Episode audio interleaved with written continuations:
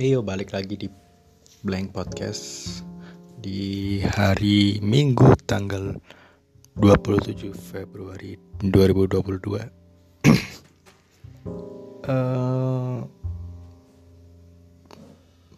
belakangan hari ini eh, nggak tahu ya di Jakarta, di Surabaya atau di Jogja khususnya eh musim cuacanya lagi nggak mm, berubah-ubah ya. Kadang panas terus mendung hujan terus gitu ya. Eh ya jadi buat teman-teman semua jangan lupa jaga kesehatan lah ya. Jangan lupa jaga kesehatan eh, makan makanan sehat ya. Sama juga tetap terapkan 3M ya Eh, karena tidak menutup apa ya? Bukan tidak menutup kemungkinan eh, yang lebih cocok. Eh, meskipun sudah vaksin COVID sekalipun eh, kita juga masih berpotensi bisa kena eh, COVID ya. So buat teman-teman eh, jaga kesehatan selalu ya. Dan buat teman-teman semua yang yang mau ngiklan ya bisa lah. Bisa bisa. Ntar murah kok murah. Murah di sini. Eh, apa aja sih aku terima gitu ya? Endorse baju atau apa? Ya bisa lah bisa.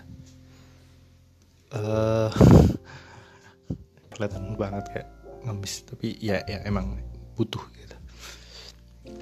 Biar ada sponsor dan podcast ini terus berjalan ya Em, dan apa lagi? Belakangan hari ini rame banget di sosial media di internet di di, di, TV bahkan berita. Eh, yang lagi rame itu Rusia menginvasi Ukraina. Ya eh, bahkan ada beberapa video bahwa sebelum sebelum invasi itu terjadi eh, di Kiev eh, ibu kota Ukraina sudah ada sirine air air raid eh, untuk peringatan kepada warganya bahwa berjaga-jaga kalau ada serangan serangan udara ataupun ya int- intinya eh, untuk waspada peringatan. Eh apa ya jujur aku nggak bisa ngomong banyak hal ini karena hal ini eh sensitif ya buat buat aku pribadi karena aku sendiri juga nggak tahu awal mulanya dan aku bukan ahlinya untuk ngomongin itu. Eh ya aku berharap apa ya yang yang terbaik yang terbaik buat buat kedua negara ini. Semoga semoga cepat damai lah. Dan info menarik eh, buat kalian yang tadi malam ya penonton Liga Spanyol atau penonton sepak bola lah banyak eh, pemain-pemain yang sudah melakukan apalah ak- bukan aksi eh, bisa dibilang protes keras terhadap invasi yang dilakukan Rusia terhadap Ukraina. Buktinya di sebelum pertandingan apa kemarin? Manchester United melawan apa? Watford kalau salah. Nah itu eh, pemain dari kedua tim eh, berfoto terus membentangkan poster eh, stop war peace damai gitu ya. Dan semoga ya ke depannya aman sentosa lah. Stop peperangan demi demi kemaslahatan umat manusia gitu ya. Yuk kita akan kembali setelah yang satu ini. Jangan ke mana-mana. Dan ada berita yang kurang mengenakan buat eh fans sepak bola terutama fans Chelsea uh, karena apa ya? Bos atau pemilik dari Chelsea uh, Roman Abramovich uh, mundur dari kepemilikan Chelsea FC karena yang dikhawatirkan adalah ini ini ini uh, berita yang aku baca ya. Uh, pemerintah Inggris akan mengambil aset aset milik Roman Abramovich termasuk Chelsea. Nah mug, uh, tindakan yang dilakukan Abramovich untuk cabut lah pergi dari Chelsea supaya mengamankan aset-aset aset berharga yang dia punya ya Chelsea ini. Uh, ini berita dari dari uh, detik bola ya sportdetik.com dilansir dari Sky Sport kini Roman Abramovich siap undur diri. Pemerintah Inggris memberi larangan pengusaha Rusia tidak boleh lagi berkecimpung di tanah mereka. Apalagi sejak empat tahun terakhir Abramovich juga masuk dalam daftar merah Inggris. Itu terkait Abramovich punya kedekatan dengan Presiden Vladimir Putin yang mana hubungan diplomatik Inggris dan Rusia sempat memanas. Maka Abramovich sudah menulis surat perpisahan yang berbunyi, ini surat perpisahan yang juga dipost di Instagramnya Chelsea ya. Selama hampir 20 tahun kepemilikan saya di Chelsea FC, saya selalu memandang peran saya sebagai penjaga klub yang tugasnya adalah memastikan bahwa kami sukses seperti yang kami bisa capai hari ini serta membangun masa depan sambil terus memainkan peran positif dalam komunitas kami. Tulis pernyataan Roman Abramovich di situs resmi klub. Nah, ini lanjutannya. Saya selalu mengambil keputusan dengan kepentingan terbaik klub. Saya tetap berkomitmen pada nilai-nilai ini.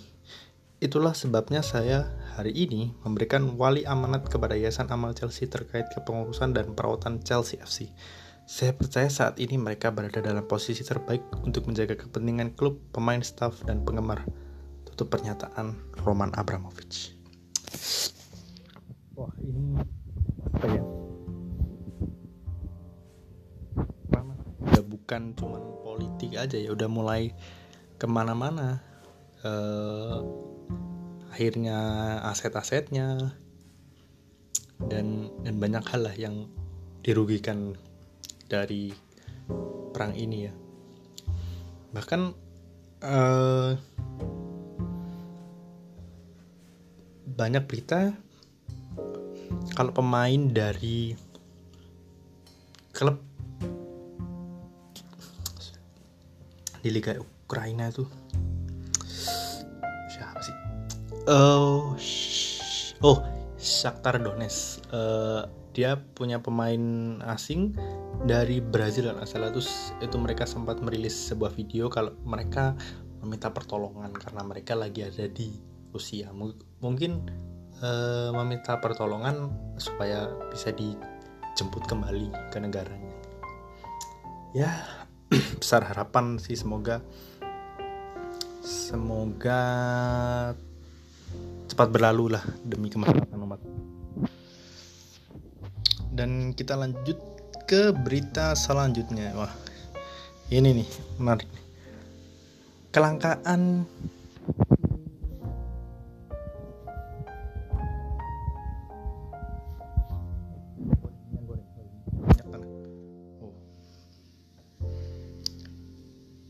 Ini dari Jawa Pos ya. Ini top stories yang muncul di Google.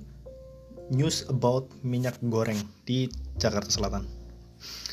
Polres Jakarta Selatan bentuk tim khusus untuk kelangkaan minyak goreng. Wah.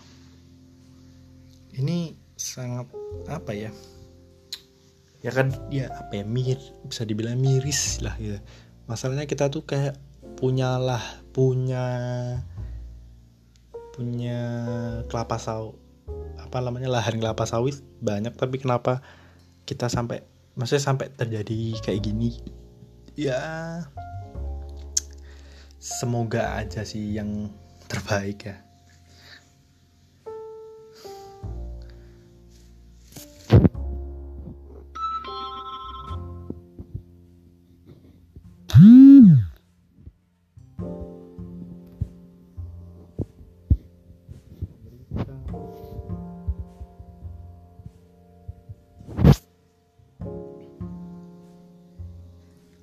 Wah, kalau kalau kalian cari berita di Google berita hari ini itu uh, mulai apa ya udah yang trending topik itu selalu Rusia Ukraina Rusia Ukraina ya yang terbaik lah ya. Ini dari kompas.com. Vaksin booster. Vaksin booster masyarakat umum dan lansia bisa diberikan 3 bulan usai dosis kedua. Ini dilansir dari kompas.com. Pemerintah resmi mempersingkat jarak pemberian suntik vaksin primer dan vaksin booster bagi masyarakat umum lansia menjadi 3 bulan. Sebelumnya, vaksin booster bisa diberikan setelah 6 bulan dari penyuntikan vaksin dosis kedua. Aturan baru ini tertuang dalam Surat Edaran Kementerian Kesehatan nomor SR 0206 21180 2022 yang ditang yang, didar, yang ditandatangani oleh Direktur Jenderal Pencegahan dan Pengendalian Penyakit Kemenkes Maxirin Rondo Rondonu pada 25 Februari 2022. Ya, buat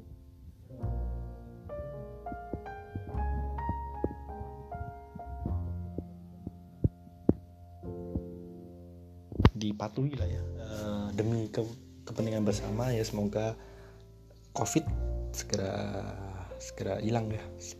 Segera hilang segera berlalu dan semua bisa beraktivitas normal seperti dulu kala.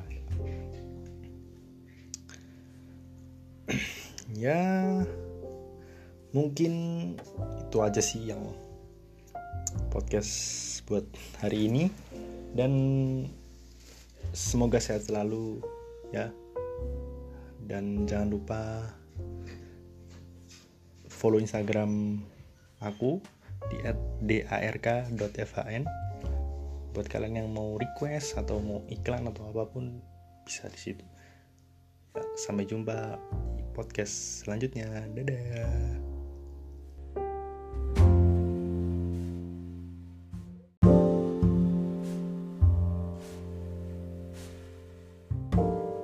Eyo karena mendengarkan Blank Podcast di hari Sabtu tanggal 5 Maret 2022 uh, senang sekali bisa bisa take podcast lagi di hari yang ya di hari yang cerah ini. Dan semoga dan semoga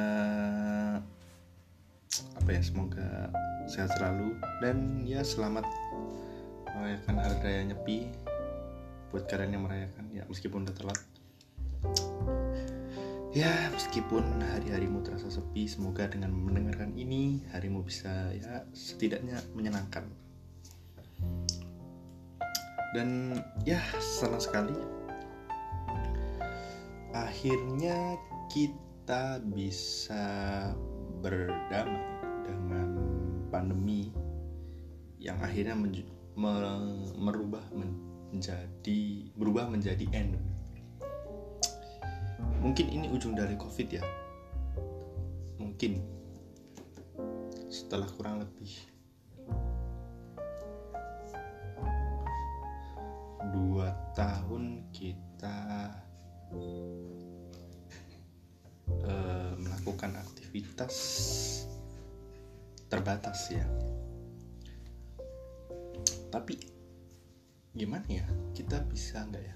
Uh, jujur nih uh, aku secara pribadi keluar keluar rumah keluar kosan ke mana ke sederhana ke toko beli air beli beli rokok beli apa pun. Nggak pakai masker itu rasanya kayak kayak apa ya? Kayak berasa telanjang gitu loh. Kalian nggak kalian juga merasakan hal itu gak sih? Uh, karena apa ya? Karena udah malah kebiasaan itu sudah melekat lama. Kebiasaan itu sudah melekat lama dan dan mau nggak mau akhirnya yang awalnya tidak terbiasa ya lama-lama terbiasa menggunakan masker.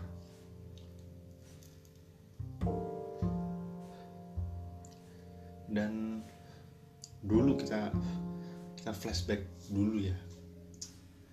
Uh, di dua, 2020 bulan Maret atau bulan April ya sekitaran segitu dua tahun lalu persis dua tahun lalu ketika COVID masuk ke Indonesia itu wah, uh, itu gila gila gila gila banget sih gitu apalagi di lingkup lingkup aku pribadi lingkup perumahan ya. Begitu ada yang positif itu uh, langsung heboh gitu. Dulu sempat ya banyak uh, pertentangan apa bukan pertentangan kayak banyak pertanyaan banyak spekulasi bahwa kamu kena dari mana kamu dari mana menurutku kalau kitanya udah udah dinyatakan positif ya. Uh, ada surat PCR atau swab test ya positif. Ya udah nggak perlu di tracing kayak kamu dari mana? Dari mana? Dari mana? Ya udah diobatin gitu. Kalau kitanya positif ya. Dan langkah kita selanjutnya ya yang ngubungin uh, orang-orang yang melakukan kontak dengan kita itu itu langkah baiknya gitu. Eh aku positif nih kalian uh, swab test swab test dong gitu. Takutnya kenapa? Takutnya ketularan gitu. Dan ya uh, selama kurang lebih tahun 2020 awal ya suara sirine ambulan itu kayak anjir udah udah biasa banget gitu kayak kok ada apa lagi nih? Kok ada apa lagi nih? Kayak seakan-akan kita bisa berdamai dengan suara itu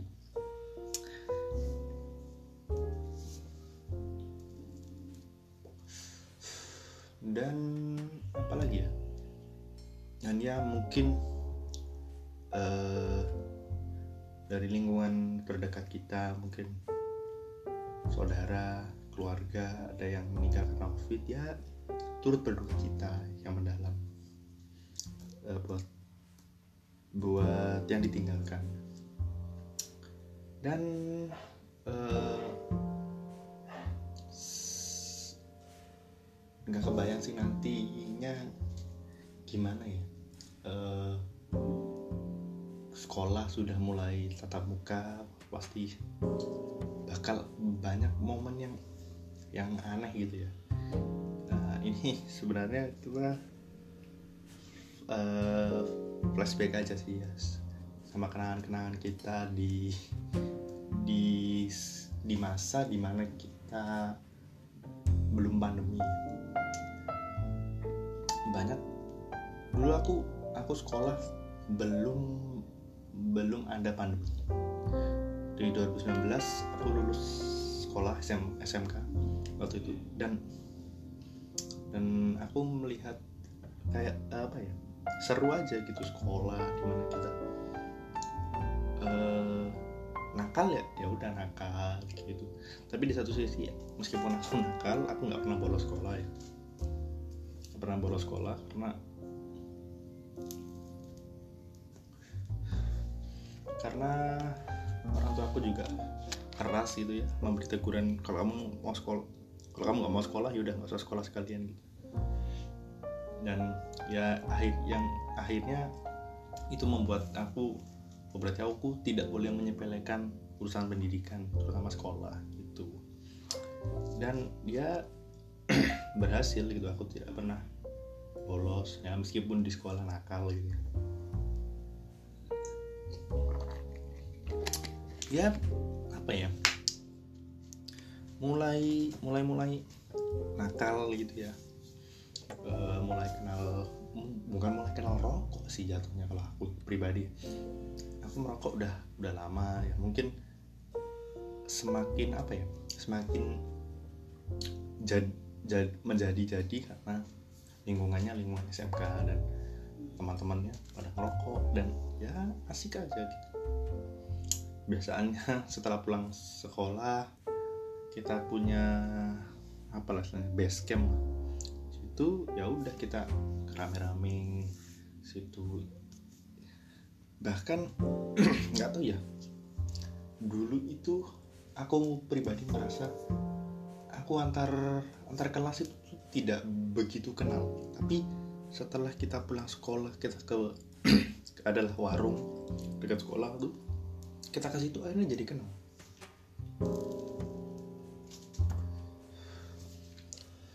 Jadi kenal satu sama lain oh namanya ini oh namanya ini kamu kelas apa? Jadi jadi klopnya tuh di situ. Aku ngerasain seperti itu dan dan apa ya? Mungkin aku nggak bayangin sih anak-anak anak yang uh, sekolah di online itu dia ngerasain ini nggak ya? Feeling di mana uh, boh datang pagi-pagi demi ngerjain PR ke sekolah itu wah itu itu seru banget sih itu meskipun dulu dulu aku sering banget sih apalagi dulu pelajaran matematika wah itu itu pelajaran yang yang ternyata setelah dewasa ya setelah lulus aku pelajari lebih dalam ternyata ilmunya tuh menyenangkan. Cuman karena karena selama kita uh, apa namanya selama kita sekolah dulu ya udah kita cuma diajarkan apa namanya? Rumus rumus saja x tambah y bakar Pitagoras itu kan. Yang akhirnya uh, membosankan jujur aku.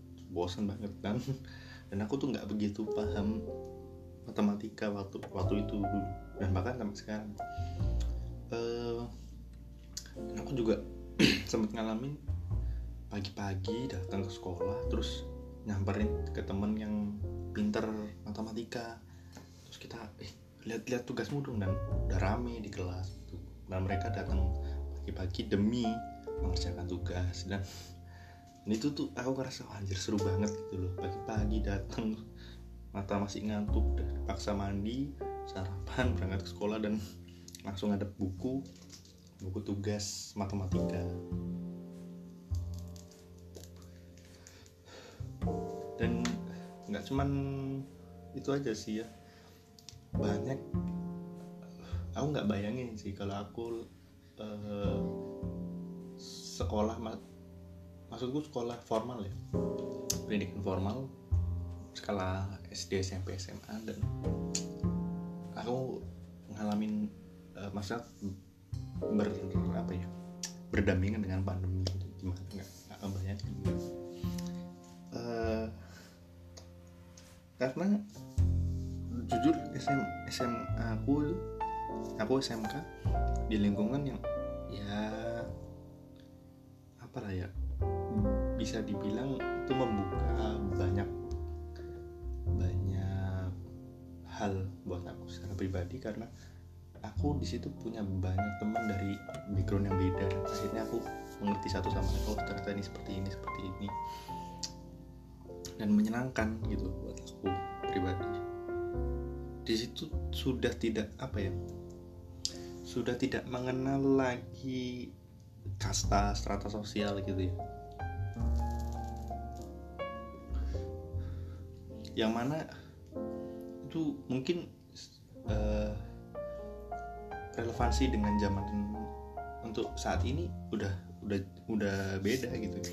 Dulu kita ya udah kita nongkrong karena kita sekelas aja kita satu kelas kita aku pengen tahu pengen nongkrong bahasanya pengen bahasa Jawa bahasa Jawa nyang, nyangkruk cangkrukan be are-are gitu. Ya udah aku aku berbaur sama mereka. Yang ngopi ya yang rokok ya yang nakal gitu. Uh, dan menyenangkan. Dan aku nggak nggak kebayang sih relevansi zaman sekarang tuh kayaknya agak susah gitu untuk untuk kita tuh berada di satu poin yang sama gitu. Karena ya mulai uh, mulai banyak gesekan-gesekan gitu. Ter selek sedikit udah ribut sana sini gitu. Tapi apa ya yang aku rasakan aku nggak pernah secara masa aku secara pribadi ya nggak pernah ribut masalah ya e, teman beda sekolah gitu. Eh, nggak uh, pernah gitu. Ya udah kita kita di, di tempat itu ada anak sekolah lain ya udah kita kita ngobrol aja santai gitu. Ih, gimana pelajaran di sekolah kamu? Kamu diajarin ini nggak diajarin itu iya ya udah. Atau nongkrong kita bahas-bahas hal yang lain gitu bahas cewek ya pastilah karena kita cowok gitu kan. Menyenangkan aja sih gitu. Dan ya zaman semakin apa ya semakin bisa dibilang semakin maju tapi aku ngerasa kayak dengan berkembangnya sosial media itu uh, membuat kita kadang kehilangan apa ya bisa dibilang kehilangan sentuhan secara fisik. Maksudku kedekatan sosial ya emosi sosial yang kita hilang. Karena kita uh, terbiasa melakukan ih, by virtual gitu. Dan maksudnya secara pribadi nggak ada masalah dengan hal itu. Cuman kayak aku ngerasa menghabiskan waktu lama menghadap handphone aja agak agak gimana gitu buat aku secara pribadi. Aku lebih baik ya ya chatting telepon sewajarnya. Setelah itu kalau kita mau diskusi lebih lebih lanjut lebih dalam gitu ya udah kita eh ayo kita ketemu aja yuk gitu aku lebih nyaman ke situ. Karena aku bisa melihat apa ya raut ekspresinya ketika aku ngomong sesuatu uh, dan dan apa ya dan dia dan kita juga bisa saling tahu atensi kita gitu. Niat kita ngomongin itu atas dasar apa gitu. Dan ya seru sih seru. Seru seru sekali sih pada zaman itu dan aku ngalamin ya masih seru masih masih relevan sih cuman karena sekarang semakin bias ya semakin di semakin liar. Ya bisa dibilang semakin liar karena perkembangannya juga makin gila makin ini itu dan orang maksudnya apa ya anak-anak muda juga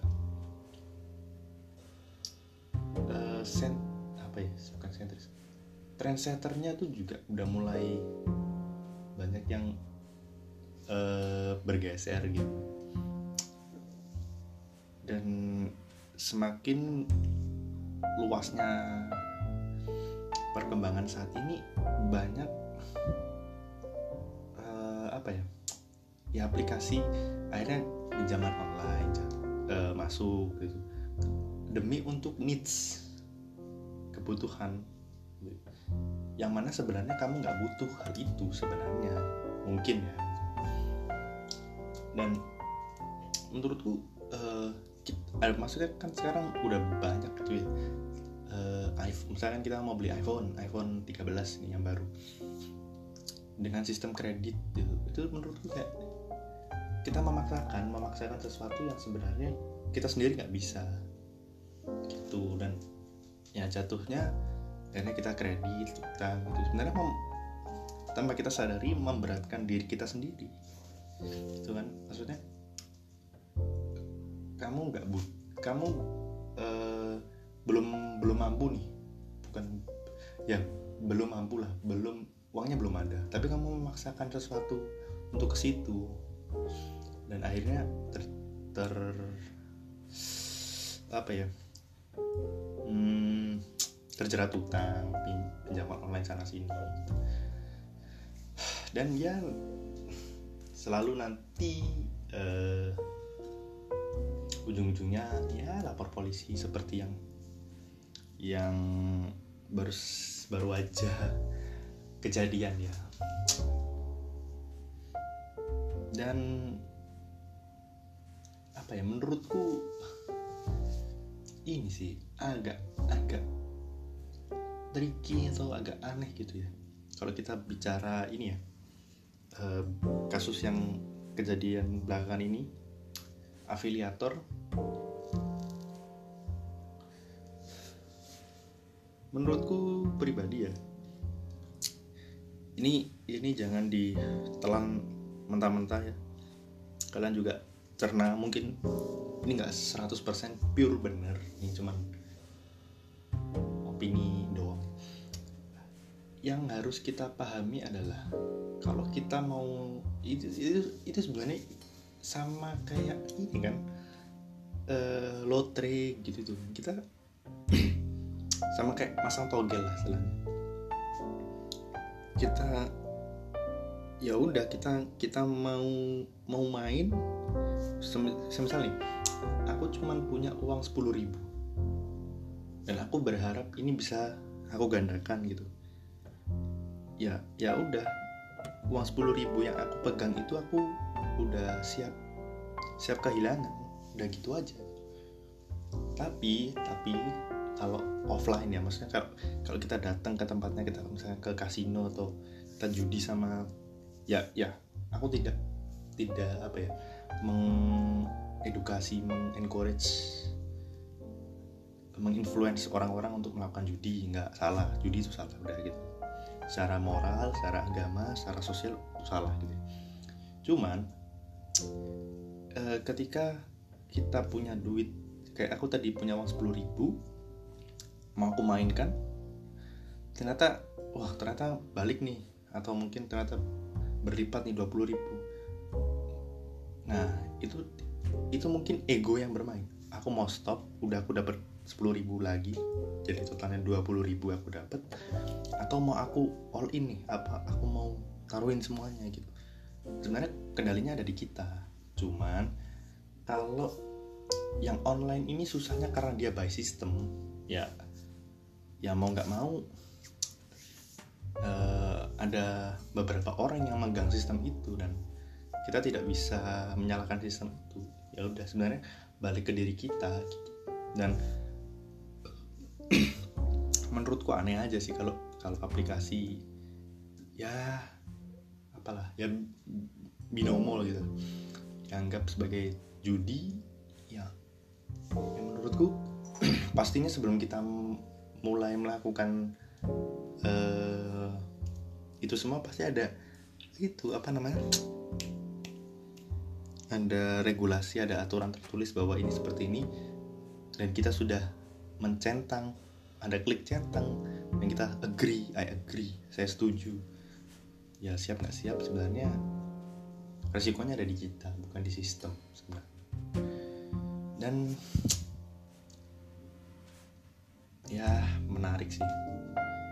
Dan ujung dari kasus ini adalah uh, ah, siapa ya? Indra Indra siapa Indra oh Indra Indra Kens ya, akhirnya ditangkap dijadikan tersangka dan aset-asetnya di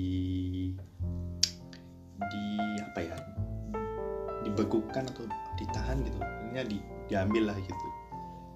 Dan ya buat buat kalian yang yang apa ya yang mau men, mulai mencoba investasi atau apa pun itu pastikan uh, apa yang namanya pastikan dulu aplikasinya ini diawasi misal oleh OJK atau uh, Badan Pengawas Keuangan gitu ya. Jadi setidaknya kita mau melakukan investasi ya aman gitu loh. Atau kalau kalau kita nggak siap akan hal itu ya udah kita nggak kita kita pelajari dulu lah resikonya dan ya uh, mungkin itu aja sih ya dari Blank Podcast episode hari ini. Dan semoga terhibur. Oh ya dan buat kalian yang mau mungkin mau ngiklan silahkan nih iklan aja. Murah kok sama aku gitu ya. bisa di DM di @dark.fhn uh, sekali lagi terima kasih banget buat kalian yang udah mendengarkan. Bisa di share ke teman-teman kalian yang mungkin suka atau apa pun itu. Oke selamat bermalam minggu dan semoga harimu menyenangkan dan sampai jumpa di episode selanjutnya. Dadah